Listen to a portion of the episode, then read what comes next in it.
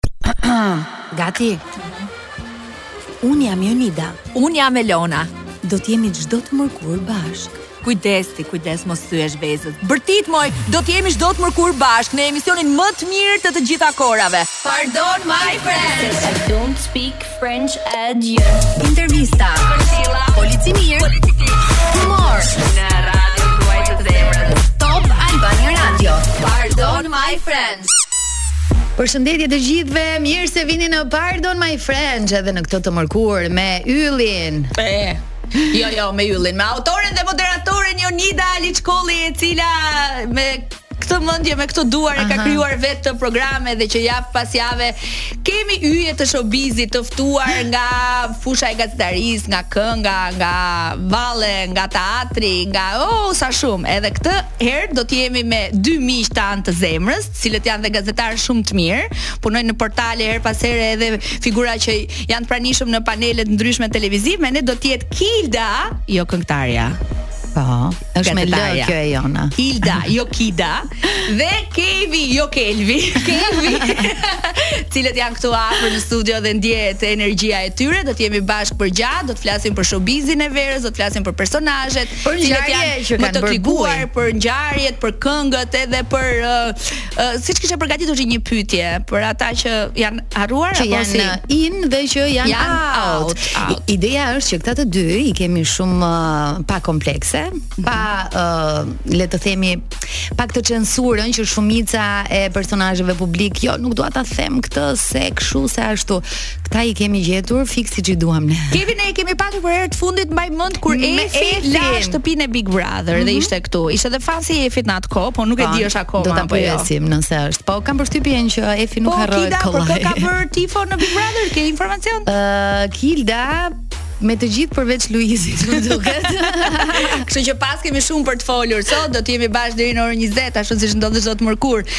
Është vapë, është, shumë vapë, mendoj të jetë java më e nxehtë e vitit, temperaturat uh, i kalojnë 35 gradë, ajo që duhet është që qëndroni në makina me kondicioner apo në ambiente me kondicioner, pini sa më shumë ujë dhe na dëgjoni ne për lajme roz. Më dëgjoni me vëmendje të gjithë ju sepse kam një propozim super të mirë, është Noa që ju mundëson çdo dëshirë tuajën. Pra, nëse doni të bëni pushimet e ëndrrave, të merrni smartphone-in e fundit, elektroshtëpiaket që dëshironi për një kohë shumë të gjatë, mund ta bëni këtë Vetëm për 10 minuta Noa Financim jua mundëson këtë dhe është mundësia më e mirë për të realizuar të gjitha dëshirat që ju keni me nevojat që ju keni. Pra, nëse unë dua të shkoj tek Noa dhe të marr deri në 2 milion lek financim, 2 milion 2 milion lek mm -hmm. të mhm. vjetra, i marr fare thjesht vetëm me me një aplikim prej 10 minutash. Edhe më futen në llogarinë time 2 milion lekë dhe kështu mund të bëjmë një palë pushime shumë të mira, kështu që kontaktoni Noan. Rikthehemi në studio për të diskutuar pak a shumë se çfarë do të ndodhë sot në program, kanë qarkulluar shumë lajme, ka patur një sherr midis Luizit dhe dhe Dea Mishel. Vetëm një. Ka patur uh, një tjetër sherr midis Ronaldo. ky është më i vjetër, ky i Ronaldo dhe, dhe Luizit është më i vjetër. Ka patur po ashtu një ndarje miqësie midis Butrint Imerit dhe uh, Kush ishte moj? Flori Mumajesi? Dhe Don Gjoni moj zotria. Po, po se Flori Mumajesi ishte në intervistë tek Pushime On Top po, që fliste për nuk e kishin ftuar në Butrin. Po. po pastaj kishte kërkuar që të ishte pjesë, pra ka ndodhur shumë ngjarje Në Butrint, në Butrint për atë gjënë që ndodhi për eventin apo këtë Butrint Imeri se. Për eventin, për eventin. Okej. Ë tjetër gjë ka ndodhur që mes Loredanës dhe Mozzik, se Loredana ka ka prezantuar, ka konfirmuar lidhjen me futbollistin e njohur dhe ka ardhur reagimi i Mozzik që po prisin të gjithë nga nga këngëtari. Gjithashtu edhe për Ledrin dhe për Sarën, është diskutuar shumë e Sarës në klipin e Gjendje. Pra për këto dhe shumë të tjera ne ndaj kemi ftuar sot Kevin dhe Kidën për të folur gjerë e gjatë për showbizin. Më e freskëta e këtyre ditëve ishte uh, prezantimi nga Enca i të dashurit të saj pa. Po. dhe gjithë komentet uh, raciste që u bënë në në rrjetet sociale. Kështu që kemi po goxha për të folur re sot. reaguar. Mm -hmm. Ja mhm. meqë jemi këtu, se po, sot në mëngjes po po e lexoja, kishte publikuar në story të saj, ë uh, pse i bardhë, pse i zi, pse i huaj, pse malok, pse plak, pse i ri, pse të pasur, pse të varfër, më pak urrejtje, më shumë dashuri, ju premtoj që jeta është shumë e bukur kur jeton për veten. Dhe, dhe do të bëhet edhe më e bukur kur do dëgjoni Albanian që nuk e di, domethënë e ka prezantuar këtë djalin dhe gjithë uh, mediat po luajnë është apo s'është i dashuri i vet ose është i dashuri i vet mm -hmm. apo për faktin se ndoshta thjesht janë uh, komentet në rrjet. Jo, jo, e ka thjesht kollaborator, domethënë bashkëpunëtorin e saj në këngë dhe në video. Në fakt ka qarkulluar edhe një video që puthen, kështu që dyshoj që mund të jetë bashkëpunëtori saj vetëm në video. Okej. Okay. Kështu që për të gjitha këto do të na zgjerojnë horizontin. Se ata i dinë mirë. Kemi dhe nga Kida. Ata, nga i marrin vesh ata se ti njeh më shumë. Janë të përfshirë, duke qenë se bëjnë programe televizive që kanë mhm. showbiz, duke qenë se uh, kanë punuar gjithmonë në media dhe sigurisht që janë të informuar për pjesën e showbizit, kështu që janë edhe ata tipat që prezantova në fillim që nuk e kanë problem t'i thonë gjërat ashtu siç i mendojnë ata dhe bëjnë shumë mirë që e kanë këtë këtë pjesë të karakterit të tyre. Mirë, ne do të dëgjohemi dhe do të jemi në studio me Kidën dhe me Kevin pas orës 18:30. Gjithashtu kemi në telefon edhe Anxhela Peristerin për këngën e saj më të re, po edhe shumë të reja duket të ketë Anxhela, po shfaqet gjithandej. Domethënë në Instagram është shumë aktive, jo vetëm nëpër evente familjare, por edhe me publikime këngësh, solli para pak kohësh remixin e Uh, si është ajo? Da da da da zemra sa të afrohem të dua. Si ma bën zemra. Pse jemi trash ne sot? S'na kujtohen në sekondë gjërat.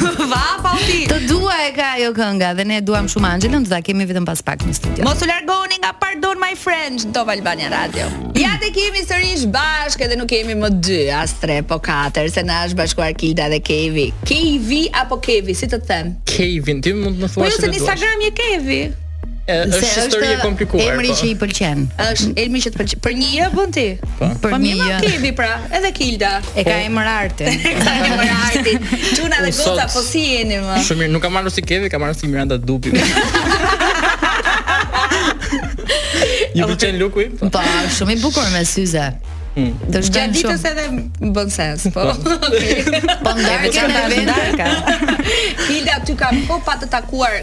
kështu, ë, uh, si me thënë, në ambiente pune, zyre, transmetime, se kafe pim bashkë edhe ndenjëm nja 10 minuta. Po, ti me çar po merresh së fundmit, e kam fjalën në në media.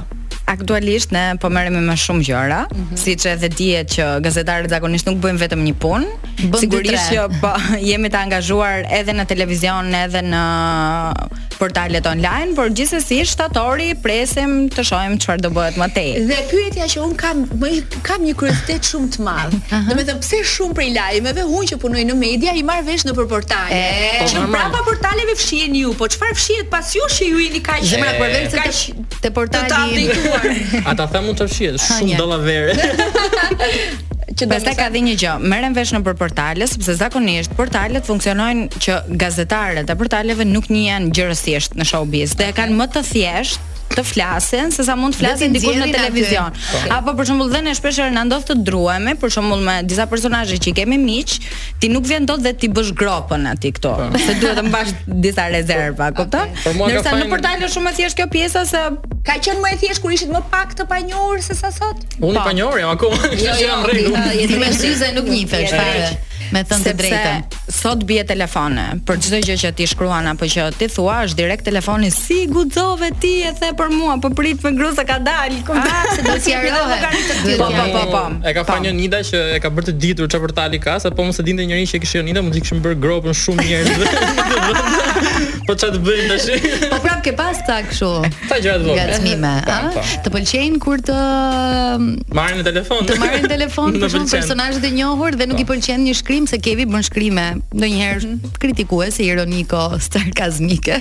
Okej. Dhe dhe dhe i ka ndodhur që mm, t'i bjerë telefoni. Po, goxha personazhe të njohura, të showbizit. Edhe çfarë kanë thënë? Ose na tregoj një histori konkrete, se duke folur kështu përgjithësira bëhemi të mërzitshëm ndonjëherë. Po, është një personazh i njohur. Është një po. personazh shumë i njohur që më ka marrë në telefon para sa jo, është moderatore, më ka marrë para shumë kohe, para 2-3 vjetësh, 3 mhm, vjetësh në po, pandemi, në pandemi, se bëra një shkrim atëherë unë që u bë shumë i famshëm, edhe më mori dhe më tha, nuk më pëlqeu shkrimi yt, unë thash, "Ok." Po nuk është për ty. Po, jo, nuk ishte për atë, ishte për shumë persona.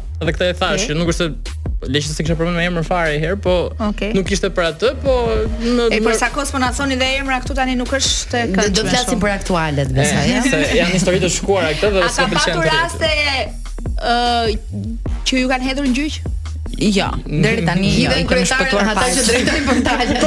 S'më ka ardhur një ditë. Ke patur ndonjë rast që të ka shkuar emri te? Jo, asnjëherë, sepse unë sepse unë dhe Eraldo Rexho. Jemi njerëz të balancave, po, domethënë dhe përveç faktit që uh, unë kam dalë me emër dhe me fytyrë që e drejtoj uh, portalin, kam edhe këtë natyrën që nuk më pëlqen t'i sulmoj njerëzit pa shkak. Pra kur kemi bërë shkrime kritikuese ku ka pasur goxha argument, nuk kanë çfarë të thonë. Kilda, çfarë duhet të themi për të gjithë ata personazhe publik, se të fillojmë të kuptojmë ca gjëra një herë për punën që bëjnë dhe pastaj dalim edhe të flasim për, për si marrin vesh aktualitet edhe si lajmi kalon shumë më parë nga juve. Jo, se më parë kalon nga Top Channel. po, ëm um, si si është të punosh me njerëzit e famshëm në Shqipëri, në një vend të vogël ku thuajse të gjithë njihen me njëri tjetrin, edhe kur gjithmonë është ky risku pse fole kështu për mua, pse the kështu për mua. Dhe kur pjesa më e madhe gjithmonë përfundojnë biseda duke thënë, "E mo mos e lajm portali është, ke portalet e lexove se s'është një burim zyrtar apo një burim që duhet marrë në konsiderat." Tani, çështja është personazhet tanë, shumica duan të qëndrojnë në tavë dhe të jenë të përfliten gjithë kohën, por kur vjen puna që ti shkruan ose ju bën një pyetje në emisione të ndryshme, thonë pse ma bëre ti mua këtë. Domethënë nuk dinë akoma balancën nëse duan të jenë në treg dhe të përfliten apo nuk duan të jenë në treg, një pjesë e madhe. Pjesa tjetër që janë aktualisht dhe merren me median, e kuptojnë dhe punën tonë, kuptojnë dhe funksionin e tyre se çfarë ata duhet të thonë në leverdinë tonë dhe në leverdinë e tyre. Por sigurisht ka patur shumë uh, pakënaqësi fillimisht unë të punoja me të famshëm në fillimet e karrierës time, shikoja si një gjë shumë wow, se do takoja njerëz që i kisha parë deri atëherë vetëm nga ekrani. Por kur filloi pastaj pjesa e telefonit që duhet të përgjigjesh për çfarëdo lloj pyetje ose çfarëdo lloj gjëje që dilte. Për shembull, do tregoj diçka uh, para një viti, diçka e tillë, uh, para dy vitesh kur ishte Big Brother 1, kishte dalë një lajm në median online që Valbona Mema, pjesë e Big Brother 1.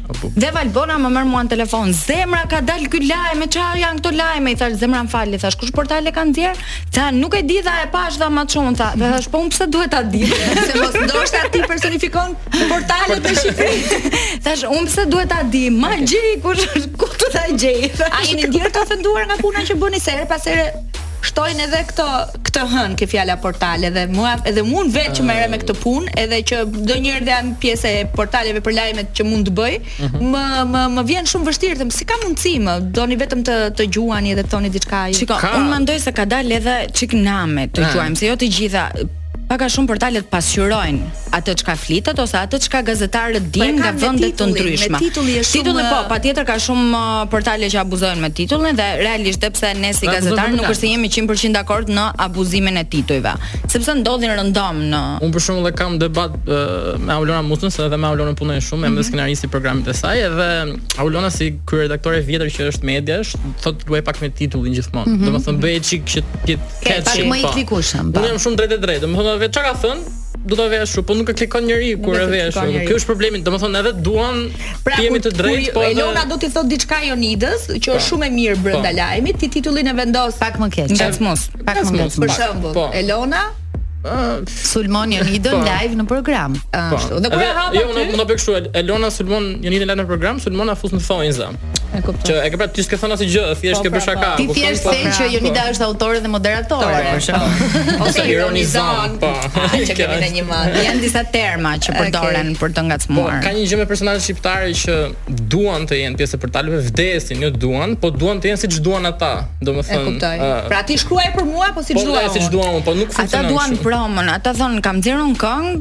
bëje lajm, por është ideja që njerëzit janë më të interesuar për sa i përket një ngacmim nga jeta private, shoqëria po, apo patjetër. Sesa ka nxjerr filan këngëtar, po sigurisht po. dhe sherret, sesa ka nxjerr filan këngëtar këngën, do ta dëgjojnë në YouTube ai s'ka nevojën mm. që ta lexojnë në portal. Po, A ka patur nga ata që ju kanë falënderuar? Po ka. Po, ka, që faleminderit që bëre këtë shkrim për po, po, mua po, ose po, sa mirë që më po, mban kështu në qendër të. Madje mund të them që janë dhe shumë kontakte, domethënë në showbiz që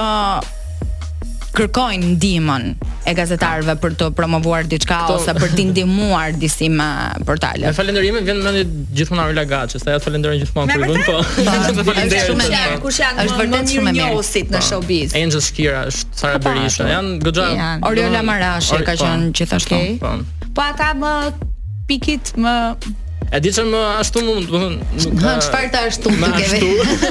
Më acaron ndonjëherë, është që për shembull i bën një shkrim të zgjedhshëm, i bën një promovim kënge pak më ndryshe, jo se këta bëjnë dhe këngë koti dhe presin t'i promovosh, po nejse, kjo është muhabet tjetër. Edhe për shembull ta lënë seen ose nuk nuk të bën një mend, domethënë,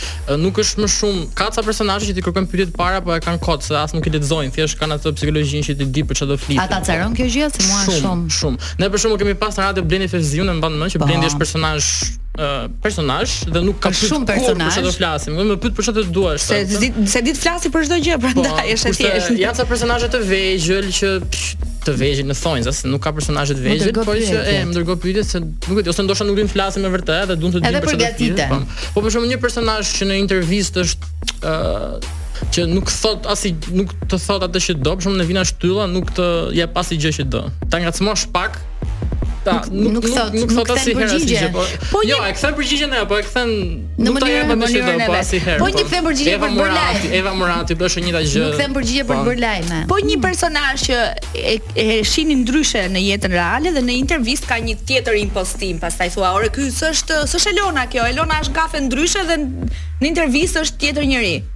Apo unë prap. jo, ka dhe është ka. Ty të ka ndodhur me pyetjet për shembull? Për shembull me pyetjet po sigurisht ndodh shpesh herë dhe për shembull një rast që un mund të kujtoj ka qenë kam tentuar për disa muaj rresht për të patur Melinda Ademin në emision. Okay. Dhe kisha kontaktin me menaxherin e vet dhe ai ishte shumë i kujdesshëm deri në detaj. po në disa detaje që domethënë mua m'u kthye në stres dhe madje ia kam shkruajtur dhe atij tekstualisht nuk ta dua intervistën me ty se më ke nxirë jetën. Një personazh që nuk ju përgjigjet asnjëherë, që s'do asnjëherë intervista.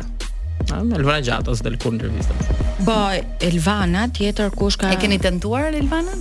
Po, unë kam tentuar po. disa herë dhe nuk kam marrë kurrë përgjigje nga Elvana. Drejtpërdrejt dhe jo, nga menaxheri, nga Andi. Mm -hmm. Ndërsa drejtpërdrejt, po, Noizy ka qenë tjetër, që nuk kam marrë kurrë përgjigje. Po ka filluar del tashi, qe te Vëllai. Po. Un personalisht flas nuk kam patur kurrë po. përgjigje, e kuptoj. Do thoja meqë jemi te Elvana edhe Flori nuk del. Sa bëre mirë këtë lidhje. Kanë zgjedhur, kanë zgjedhur që të jenë pak më të tërhequr nga daljet publike, e po. kanë po. me me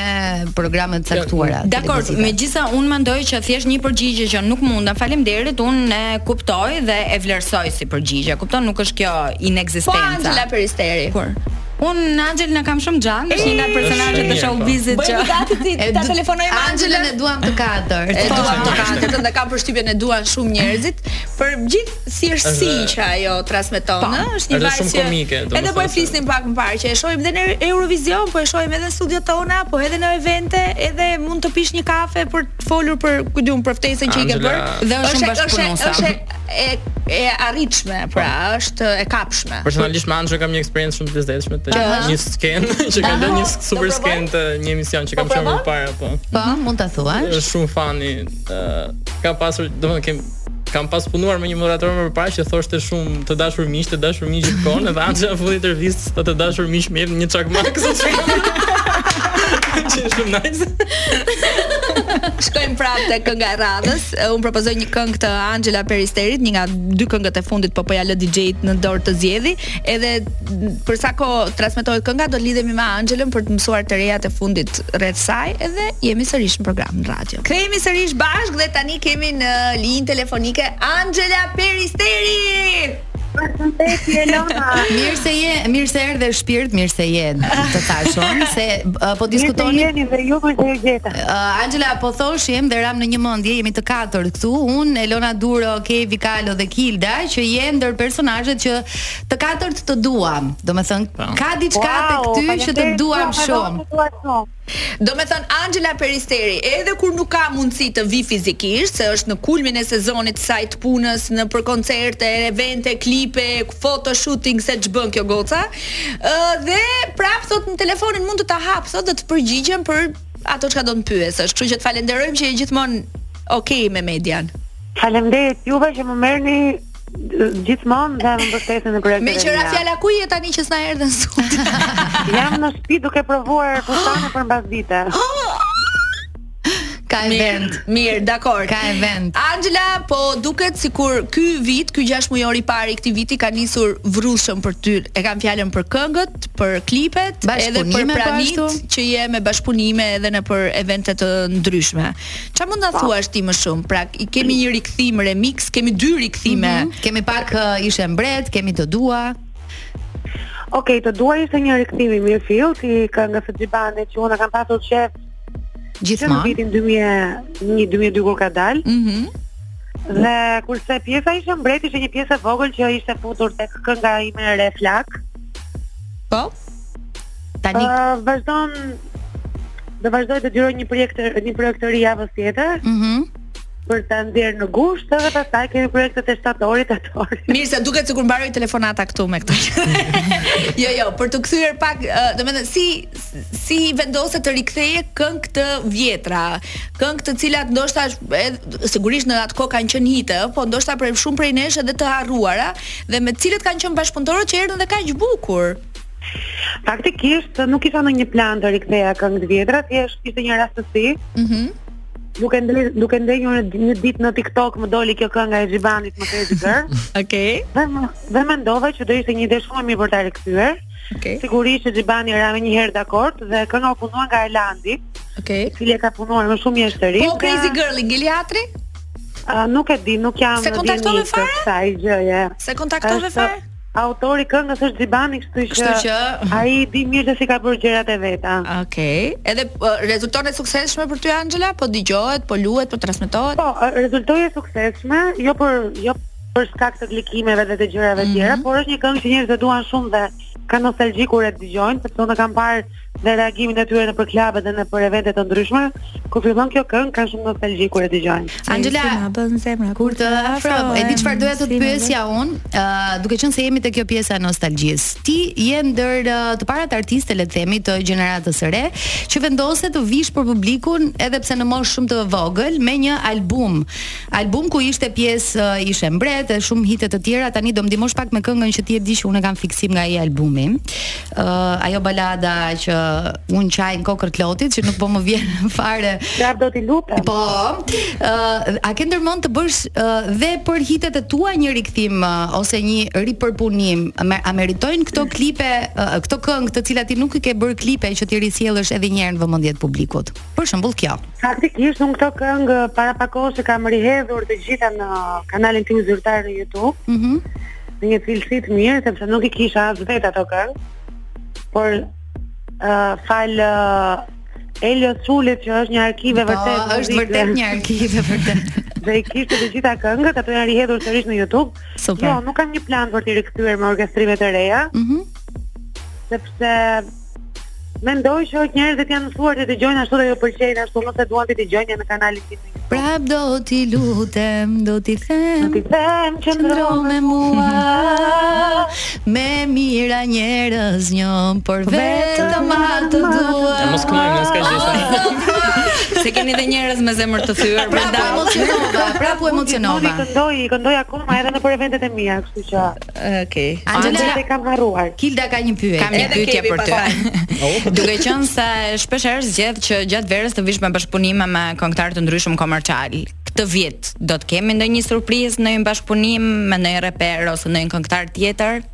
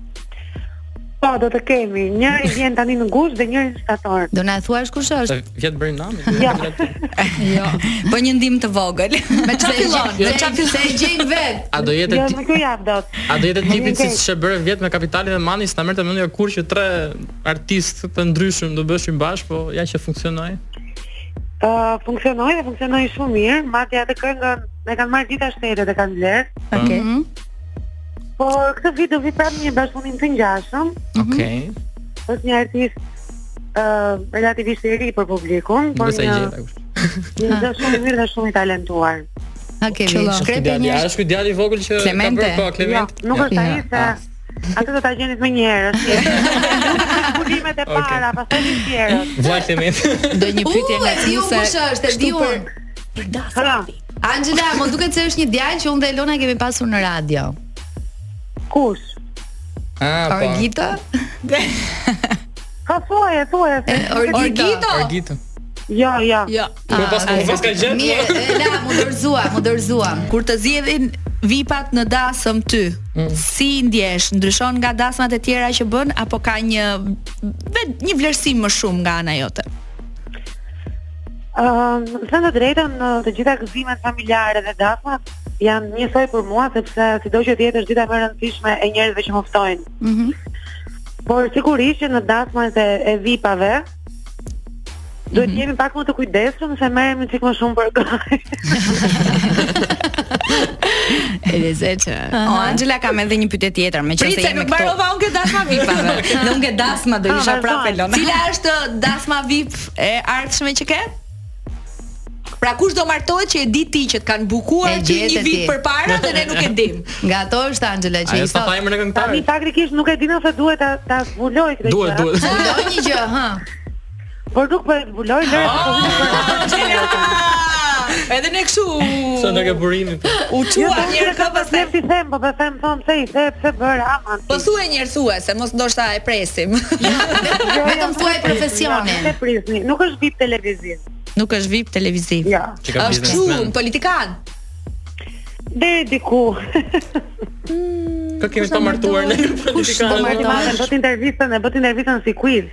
Po pra. Zemër, ne po diskutonim për showbizin dhe uh, pikërisht përpara se të hyje ti në në linjë telefonike, po flisnim për ka disa personazhe që i fton në intervistë dhe nuk të thonë gjë. Thyeje mitin. Edhe nuk thonë gjë. Ti jo. nuk je, ti nuk je ky rasti se ti je gjithmonë. Unë jam pikërisht ai rasti. O Anxhela se mbase thot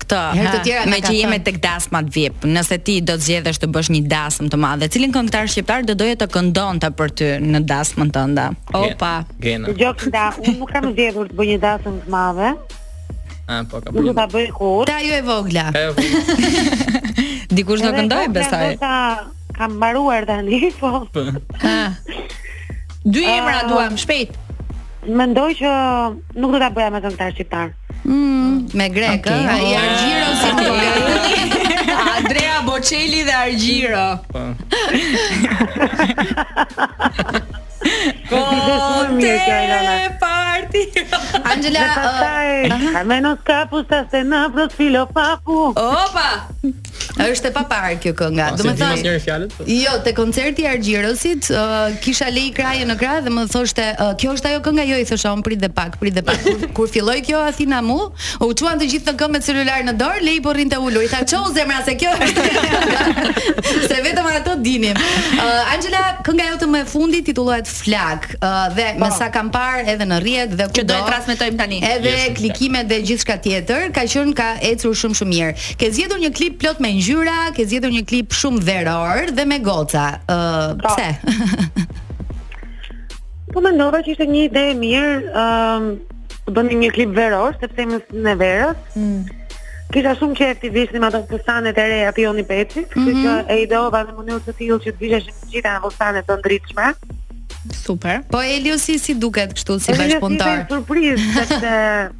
Që ia thashë edhe Elios e bashkë. Po ashtu është deri diku. Tip fustani. Tip fustani. Aha. Ideja e bashkëpunimit lindi sepse Eliosi më ndihmoi me back vokalet e këngës. Mhm. Dhe duke bërë back vokalet, po pse nuk vjen dhe ti në klip. Megjithatë, Elio ishte një gjetje shumë e veçantë sepse me thënë të drejtën i dha një lezet shumë të veçantë klipit dhe i sollin i dha një lloj tematike se nuk kishte para se të vinte. Eliosi te back vokalet bën Irini Qirjaku. jo, te vokalet e mia bën vetë. Ah, okay. Dhe unë vetë te back vokal. Në fakt është shumë i talentuar edhe e mhm. kishte e mbaj mend përpara se ju të regjistronit dhe gjithë periudhën që po xhironit klipin ka vërtet ka qenë shumë i emocionuar. Edhe pra u bënë pesë që të dua Anxhela. Më përgëzuar mendon janë shumë. Tani që po e mendoj. Shumë i talentuar, unë e falenderoj shumë dhe ai është një autor tekste shumë i mirë për gjithë ata që nuk e dinë. Pra do të keni edhe një bashkëpunim me Eliosin më vonë. Po. Po, është. Po. Mhm. Mhm. Po. Jo ndoshta, po. Në pushime, pushime vere ka apo je nga këto Maldivet në dimër? Të them të drejtën, unë në këtë vit nuk doja të bëhesha robot pune. Po. Sepse boll janë 23 vjet duke punu pa pushim. Po. Kështu që vendosa të bëj tre palë pushime, një palë i bëra në Kretë. Bravo. Mhm. Një palë do i bëj në gusht dhe një palë në shtator. Super. Ku? Po, tani në shtator kisha ndërmend të ikja këtej nga Turqia se nuk kam ikur asnjëherë. Shumë mirë.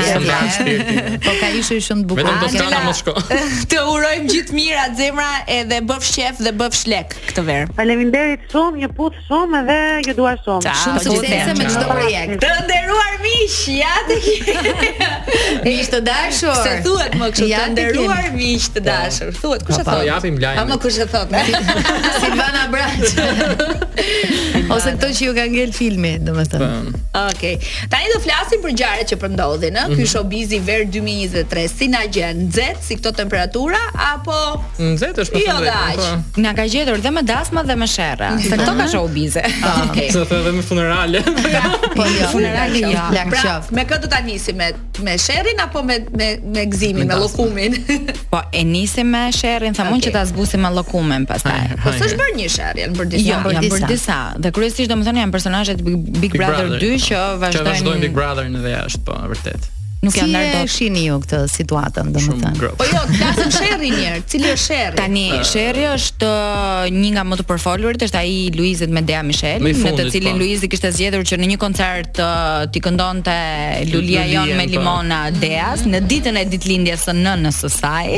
Kjo është akoma më. S'e besoj se e ka menduar përpara, po thjesht rastisi e kupton. Po ishte një rastësi jo fort e bukur dhe po. më pas Dea iu kundërpërgjigj në mënyrë shumë korrekte mendoj unë dhe i tha ato çka kishte për t'ia thënë në postimet e saj në Instagram ku i tregonte se nuk duhet t'i vinte gishtin vetë asaj, por duhet të shihte partnerin që kishte në krah dhe të tjera gjëra si këto. Se kjo fjalia mua për shembull nuk më tingëlloi. Shiko, ai ishte një kundërsulm gocash që ne shpesh herë zgjedhim ta bëjmë dhe e shikojmë në mënyrë uh, korrekte, duke qenë se është fiks ajo që ne themi në jargonin e përditshëm shif atë që ke në shtëpi, pastaj hajde më shif mua. Po jo, Kjo vjen edhe si, fal, edhe si vazhdimësi e ngjarjeve brenda në shtëpi të Big Brother, se nuk doli një ditë t'i tha thjesht shif pak partnerin tënd. Dhe ajo është bazuar nga ato, por unë mendoj që në pikënisje ishte një sherr i shëmtuar sepse m'u duk fiks sikur uh, Luizi kishte rënë në qetësi dhe pastaj papritur një natë koncert e tha prit të kapem unë me një që të krijoj prapë zhurmë. e kapi euforia se ishin Shkodër edhe e bëri. Bëri mirë apo bëri keq ke? Bëri shumë keq, i ka humbur shumë pikë vetes, mendoj dhe nuk e kuptoj pse se siç e tha Vedea te kundërpërgjigja është burrë gati 40 vjeç që ka disa projekte shumë të rëndësishme siç është filmi me Top Channelin, ka karrierë muzikore, po bën këngë, domethënë është dhënë një mundësi e dytë që të mhm. bëjë gjënë e duhur në këtë jetë. Mm -hmm. Dhe pastaj shkon edhe bën hapa pas me një veprim që është krejtësisht i panevojshëm dhe nuk ka pse qëndron akoma te shtëpia Big Brotherit tu marrë me personazhe Big Brother se ka mbaruar. Edhe duke patur aq punë me jetën e vet. Pikërisht, edhe uh, unë më ka pëlqyer mënyra si është menaxhuar Luizi gjatë kësaj kohe pas daljes nga Big Brother dhe mendoj që ia bëri koka vetë në thonjëza, rrëshqiti pak nga kjo nga nga situata. Se tani njerëzit e lidhin edhe me me menaxhimin apo me me me gjitha këto projekte që po bën, po, pra po, një djalë po, që iu dha mundësia e dytë siç ti e the, po merret me kinematografi, po merret me televizion dhe Kur pra nuk është po, thjesht Luiz Ejlli, ka dhe Po, edhe Po ndoshta ai ka fragmente që e harron që ka një menaxhim po, shumë po, të mirë po, nga po. pas dhe bën siç ka bërë ose bën me kokën e vet Me gjithë ato që ka përfituar, ka të drejtë sipërmarrje, edhe do ta mendoj këtë herë pas herë. Por ata që justifikojnë ama se kishte pirë dy gota, tre gota dhe këto. Nuk mendoj se është justifikim. Po. Nuk ka. Kevi ka qenë një fans i Luizit, me sa di unë. Episod, do unë jam gjatë kohës që po, ka qenë në po, Big Brother. Po, Tani na trego pak kur nuk të pëlqeu rrugtimi i tij dhe që kur u zu me Efin. Se është fans i Efit. Po, jo, sepse unë mendoj që ndodhi siç thonë shkodranët mos t'i hypë vetja n'qef. Mhm. Luizit i hypi vetja n'qef para se të shkonte në finale. Ai e kuptoi që do fitonte se Ashtu kishin shkuar gjërat, i kishte marrë sinjalet e tjera e tjera. Dhe i hypi vetja në qejf dhe e la këtë euforinë që ta merrte dhe të bënte gabime edhe brenda shtëpisë, por unë duke menduar gjithmonë që thoshte se këto gjëra ngelin këtu, kjo është në kuadër të lojës e tjera e tjera, kur del jashtë pastaj thua vazhdoni jetën secili, keni marrë këtë famë që keni tani, jeni figura që keni ndikim te jeta njerëzve, mos harrojmë që Luizi është akoma personazh po. në majë të të klikimeve edhe. Kështu që tani më mbrapa domethënë duhet ta mendojë këtë gjë që gjërat që thotë ai shumë njerëz i marrin si të mirëqena dhe unë jo më larg se dje e dërgova te grupi që kemi gjithë bashkë një koment ishte një gjyshe ndoshta 70 vjeç ose 75 80 vjeç nuk e di që shante Dejan shumë keq se për sherrin me Luizin e kupton domethënë Njerëzit për pse? Domethënë pse? pse? Jo, nga kjo që ndodhi, keni vënë re që ndoshta domethënë ka patur nga këto edhe nga ato fansat e zjarrtë që kanë thënë nuk nuk është mirë kjo që bëri, ka, apo? Unë kam parë edhe shumë komente negative në profilin e Luizit, po. pasi ndodhi kjo. Domethënë nga ata që mund të kenë qenë fansa ose jo, por kam parë që nuk është pritur edhe aq mirë nga masa. kjo gjë që ndodhi. Pastaj sigurisht po. ka dhe ata fansat e flaktë që çfarëdo lloj gjëje që ai të bëjë. Po. Si ato memet në TikTok që uh, a mund të ndahesh nga burri milioner nëse ai të tradhton dhe kur hyn në shtëpi ke tufat e lekëve. Si janë syzet e si janë syzet e Mirandës. Pra ju po thoni që nuk ishte momenti i duhur, për sa kohë ai po merret me gjitha ato veprimet e tij. Do të jetë ndonjëherë momenti i duhur që të kthehet aty ku ishte, domethënë do ta lërë atë pjesën më mbrapa dhe të vazhdojë jetën. Mendoni se është penduar? Po, patjetër. Kishte bërë sot një ë uh, kishte bërë dje një uh, që kërkon të pushim. Po, që kërkon të pushim edhe që më lini të pushoj se kam 7 muaj që nuk pushoj, ndoshta e ka vënë fajin kësaj gjëje që ka shumë presion që ashtu, po prapë nuk mendoj që është i qëndroj mendimit që është burr 40 vjeç. Dhe unë mendoj që ajo që doja thoja është jo më patjetër të lidhet me imazhin edhe të gjërave që ai po bën, ëh, është po. thjesht një njeri që në një moment në një lokal jo për ta justifikuar kur pi një gotë apo ku nuk e justifikoj fare ë jam pa, po, pa, po, edhe po. unë mendoj që ka bërë shumë gabim por jo të lidhet gjithmonë me nga vjen nga mm -hmm. programi që vjen nga puna që po bën apo nga filmi që po merret pra ai ai ka aty ka qenë në një moment të tij ai ka pra, qenë vetvetja siç e jo. tha Jonida mm -hmm. aty ka qenë vetvetja ka dalë thjesht në vetvete domethënë ai është mbajtur uh, brenda disa kornizave gjatë gjithë këtyre muajve menaxhim Dhe më pas ai ka patur një moment shpërthimi. Se ishte në Shkodër. Aty që nuk e ka menduar, domethënë aspak se ka njerëz të tjerë që po kujdesen shumë për imazhin e tij dhe për ta ngritur dhe për ta mbajtur po aq lart sa arritën ta ngrinin si Dhe në fakt ai ka po. bërë Dean kaq keq sa të jo, ngrejë turmën për të thënë fare. Dhe e keqpërdori atë që kishte thënë Dea, se Dea thjesht kishte thënë se e provon mentalitet provincial. Ai tha që kjo thotë Shkodra është provincë, domethënë Nuk e kuptoj pse, nuk e di, nuk jap dot shpjegim. Në mos se ashtu i erdhi rasti. Ka qenë pak a shumë jemi dakord që edhe sido që të ketë qenë rasti një vajze nuk mund t'i drejtohesh ashtu. Po. po edhe Dea për çfarë reagim që bëri që nuk ka, domethënë vetëm përveç asaj pjesës së fjalisë për që sa është kjo këto reagime që thon nuk dua ta them këtë gjë, po po e them, po po deshe mos e thush, mos e thuaj, kupton, po. E çuditshmja është që kanë çfarë kanë dy persona, pse gjithmonë ngatërrohen nëna në këto. Çfarë kanë nëna? Ose motra e arbitrit, po, ose motra. Për shembull, ishte sherri me Dean, ai me Ronaldon mendoj që ishte nuk ishte sherr. Ishte një gjë. Ishte Instagramiste. Për mendoj për kepin e VIP-ave që ah, të jepte një çik ah. uh, vrull, është gjë e menduar, është okay, për mua, domthonë, duke qenë brenda showbizit janë gjëra që bëhen dhe ndodhin dhe për mua është shumë okay. Në fakt Luizi e nisi që me Olsën. Po. Kupton nga po, çmimet në rrjetet sociale. Po, e për shembull, me Olsin shumë lezetshme që u bë pjesë Përputhen, i kishte sharë atje, pastaj u bë, po, po, ironizoi po, po, po. veten, e kupton domethënë më mirë kështu se sa se sa po, më mirë uli, më mirë kështu, më mirë kështu apo ashtu tek e fundit njerëzit e kuptojnë se sytë në ballë i kanë edhe mendjen në vend e kanë për të kuptuar që Disa gjëra, ok, janë kështu si të stisura dhe duhet të jesh në treg me zhurmë dhe me publikime, por disa të tjera vijnë edhe po. pa dashje, po. nëse mund ta quaj po. këtë momentin në Shkodër në klub. Tani meqë po flasim për personazhet e Big Brother 2, patën famën e tyre, suksesin, vëmendjen. Ë, uh, cili mendoni që po vazhdon të ketë sukses dhe është le të themi në vëmendje dhe kush po fiket. Për të ndihmuar këtë pyetjen e Jonidës, Efi para pak ditësh ka publikuar një story ku një vajzë i shkruante, "Ore ti, pse humbe kaq shpejt?" Mm -hmm. Edhe Efi nuk e kundërshtoi aspak, tha, "Zgjodha e kam bërë me zgjedhje këtë largimin, nëse po. unë kam, nëse kam kuptuar mirë se ti e ndjek po, edhe. Po, Kështu tha.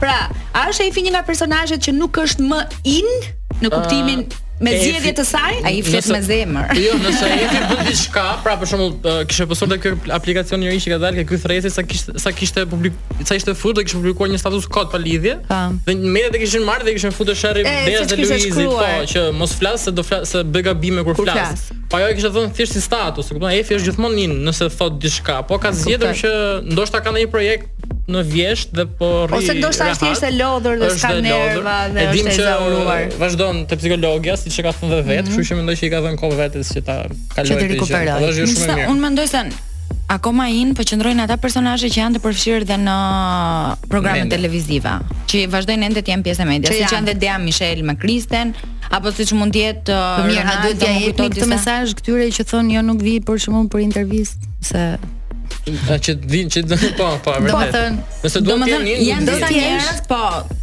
fama është ndonjëherë e thjeshtë për t'u marrë, por shumë e vështirë për t'u mbajtur. Dhe problemi këtu tek ne është që pothuajse 80% e personazheve të showbizit nuk dinë ta mbajnë famën që ata arrijnë. ose nuk kanë një menaxhim të mirë ndoshta dhe ky është një faktor. Dhe kjo është një nga këto që thonë intervistave jo jo jo gjatë gjithë kohës dhe pastaj kur i harron çdokush thonë ne pse s'na marrin pra, më. Pra, nëse ne do të bënim një listë dhe kjo jo vetëm me personazhet e Big Brother, me personazhet më in të momentit dhe ato më out, si do t'i listonim? Ato më in.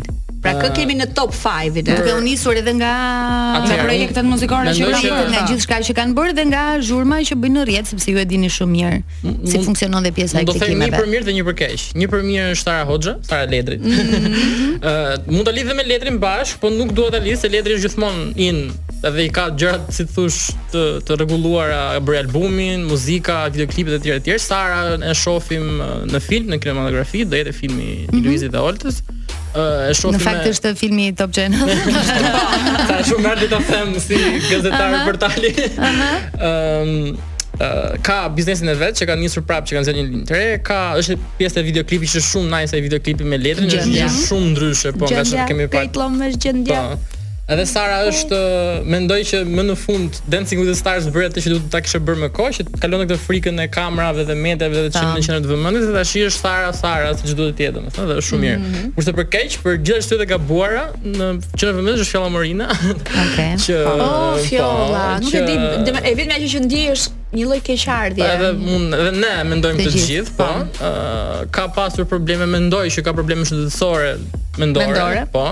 Uh, nuk e di se ça i ka sjellë tamam ato gjërat që thotë janë një çik të vështira që edhe të kuptohen fiks E kupton? Po që tashi mendoj se po merr ndihmën e duhur, se thuhet që është shtruar në. Mm -hmm. në... Por mendoj se duhet ta kishte marrë ndihmën shumë më parë para se të arrinte të bënte ato deklarata publike që mund të shkaktojë probleme me veten por dhe me njerëzit e tjerë. Po, uh, kështu. Po të bëhesh in me me lajme kaq të këqija është e rëndë. Po, është e rëndë, po. po. Unë mendoj se dhe ajo vetë nuk e ka përdorur për t'u bërë in, po, sepse ka... unë kam parë një sekuencë, domethënë, të një media në Kosovë që i shkonte tek dyqani për intervistë, ajo thjesht i largonte dhe fliste me urrejtje shumë të madhe kundrejt mediave. Po.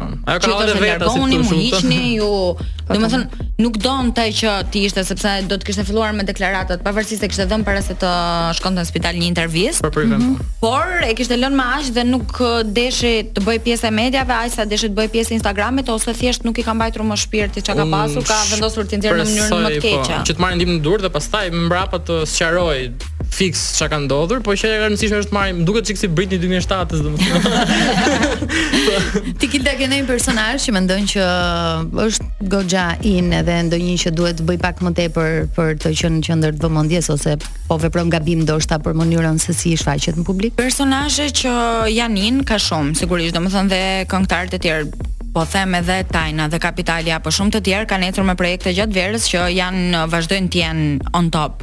Por një personazh që unë shoh si të them me keqardhje është dhe Kejsi Medini për vetë faktin sepse më duket sikur po qëndron akoma në treg me historinë e Kristit. Kristit. Mm -hmm. Më duket sikur nuk po jep asnjë gjë këtij showbizi përveç historisë të Kristit që dhe për atë mendoj se është një pullë jo fort e bukur. Mm -hmm. Dhe mendoj se duhet gjetur një tjetër formë për të qenë uh, in ose thjesht le të marrë pauzën e saj dhe të rikthehet në një tjetër moment me muzikë, duke qenë se Bën muzikë. Po Ronaldo. Ronaldo ne kemi shumë tonjë fare. Ronaldo është rahat. Mua Ronaldo më duket po. rahat. Dhe un kam patur një takim të rastësishëm me Ronaldo, që m'u shpreh shumë i kënaqur për çdo gjë që bënte dhe për çdo gjë që kishte bërë, dhe ai ishte i lumtur dhe kaq mjafton. Po. Kush është zënë me kë që nuk flasin? Po është vërtet që Efi nuk flet me Mikelën? Jo, ja, jo, bashkë ishin ku. Ja, po nuk janë të njëjtat raporta. Instagram postuan ca ditë para kështu. Po, nuk janë të njëjtat uh, best friends siç u futën, mm -hmm. por vazhdojnë të kenë kontakt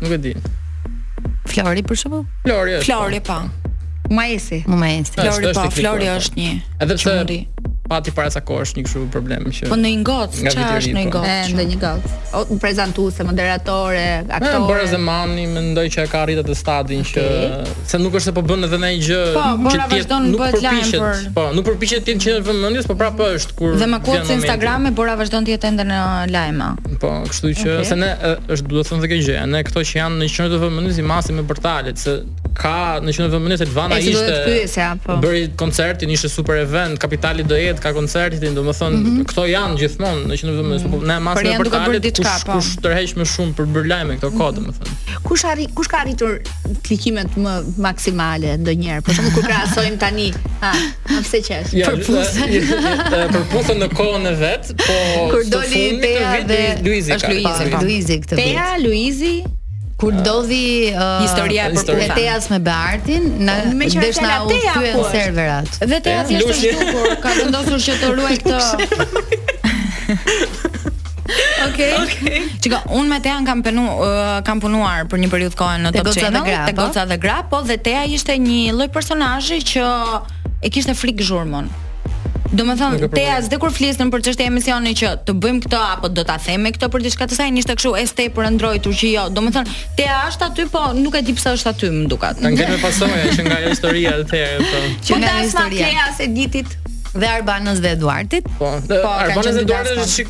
ironike se ata nuk ndanë asnjë gjë dhe megjithatë ish në qendër të vëmendjes gjithë po. kohën. Secili u mundua të zbulonte diçka po. Po. nga storyt apo pra ajo që zbuluam uh, ne më së shumti dhe me çfarë kemi parë ishte një foto e Ylli Limanit, po. ishin ca trëndafila dhe tha vetëm këtë më kanë lejuar të postoj. Po kishte vëmendje apo jo? Patjetër që kishte sepse u prit shumë në rrjet, domethënë uh, që në periudhën që Arbana dhe Edi vendosën të bënin dasëm dhe ata ishin shumë uh, të rezervuar për sa i përket kësaj dasme, por në rrjet vazhdonte dilnin data, dilnin vende, domethënë kishte detaje dhe indice që gjatë gjithë po. kohës që i kanë mbajtur njerëzit të karikuar. Dhe mendoj se pati akoma dhe më shumë kuriozitet për faktin sepse askush nuk pa asgjë përveç atyre që vetë ata na serviran. Po. Mhm. Ju zbuluat gjëra të vogla. Po.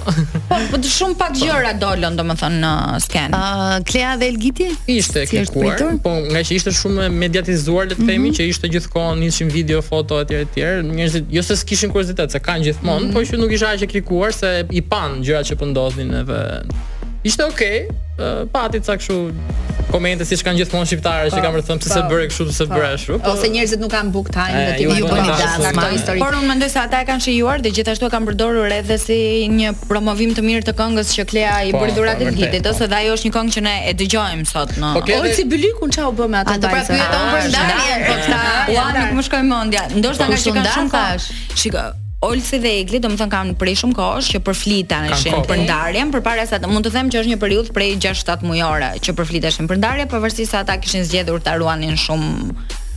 Mhm. të fsheht këtë gjë. Megjithëse duket sikur është një ndarje e qetë dhe e kuptueshme nga të dyja anët, tani zëra lart e poshtë thonë që dhe ata kanë pasur problemet e tyre dhe thjesht erdhi momenti që mbaroi, po. por që nuk është pritur shumë mirë. Nga të dyja anët apo nga njëra palë? Nga njëra palë. Nga Egli. Po, nuk është pritur shumë mirë. Domethënë në fund ishte pak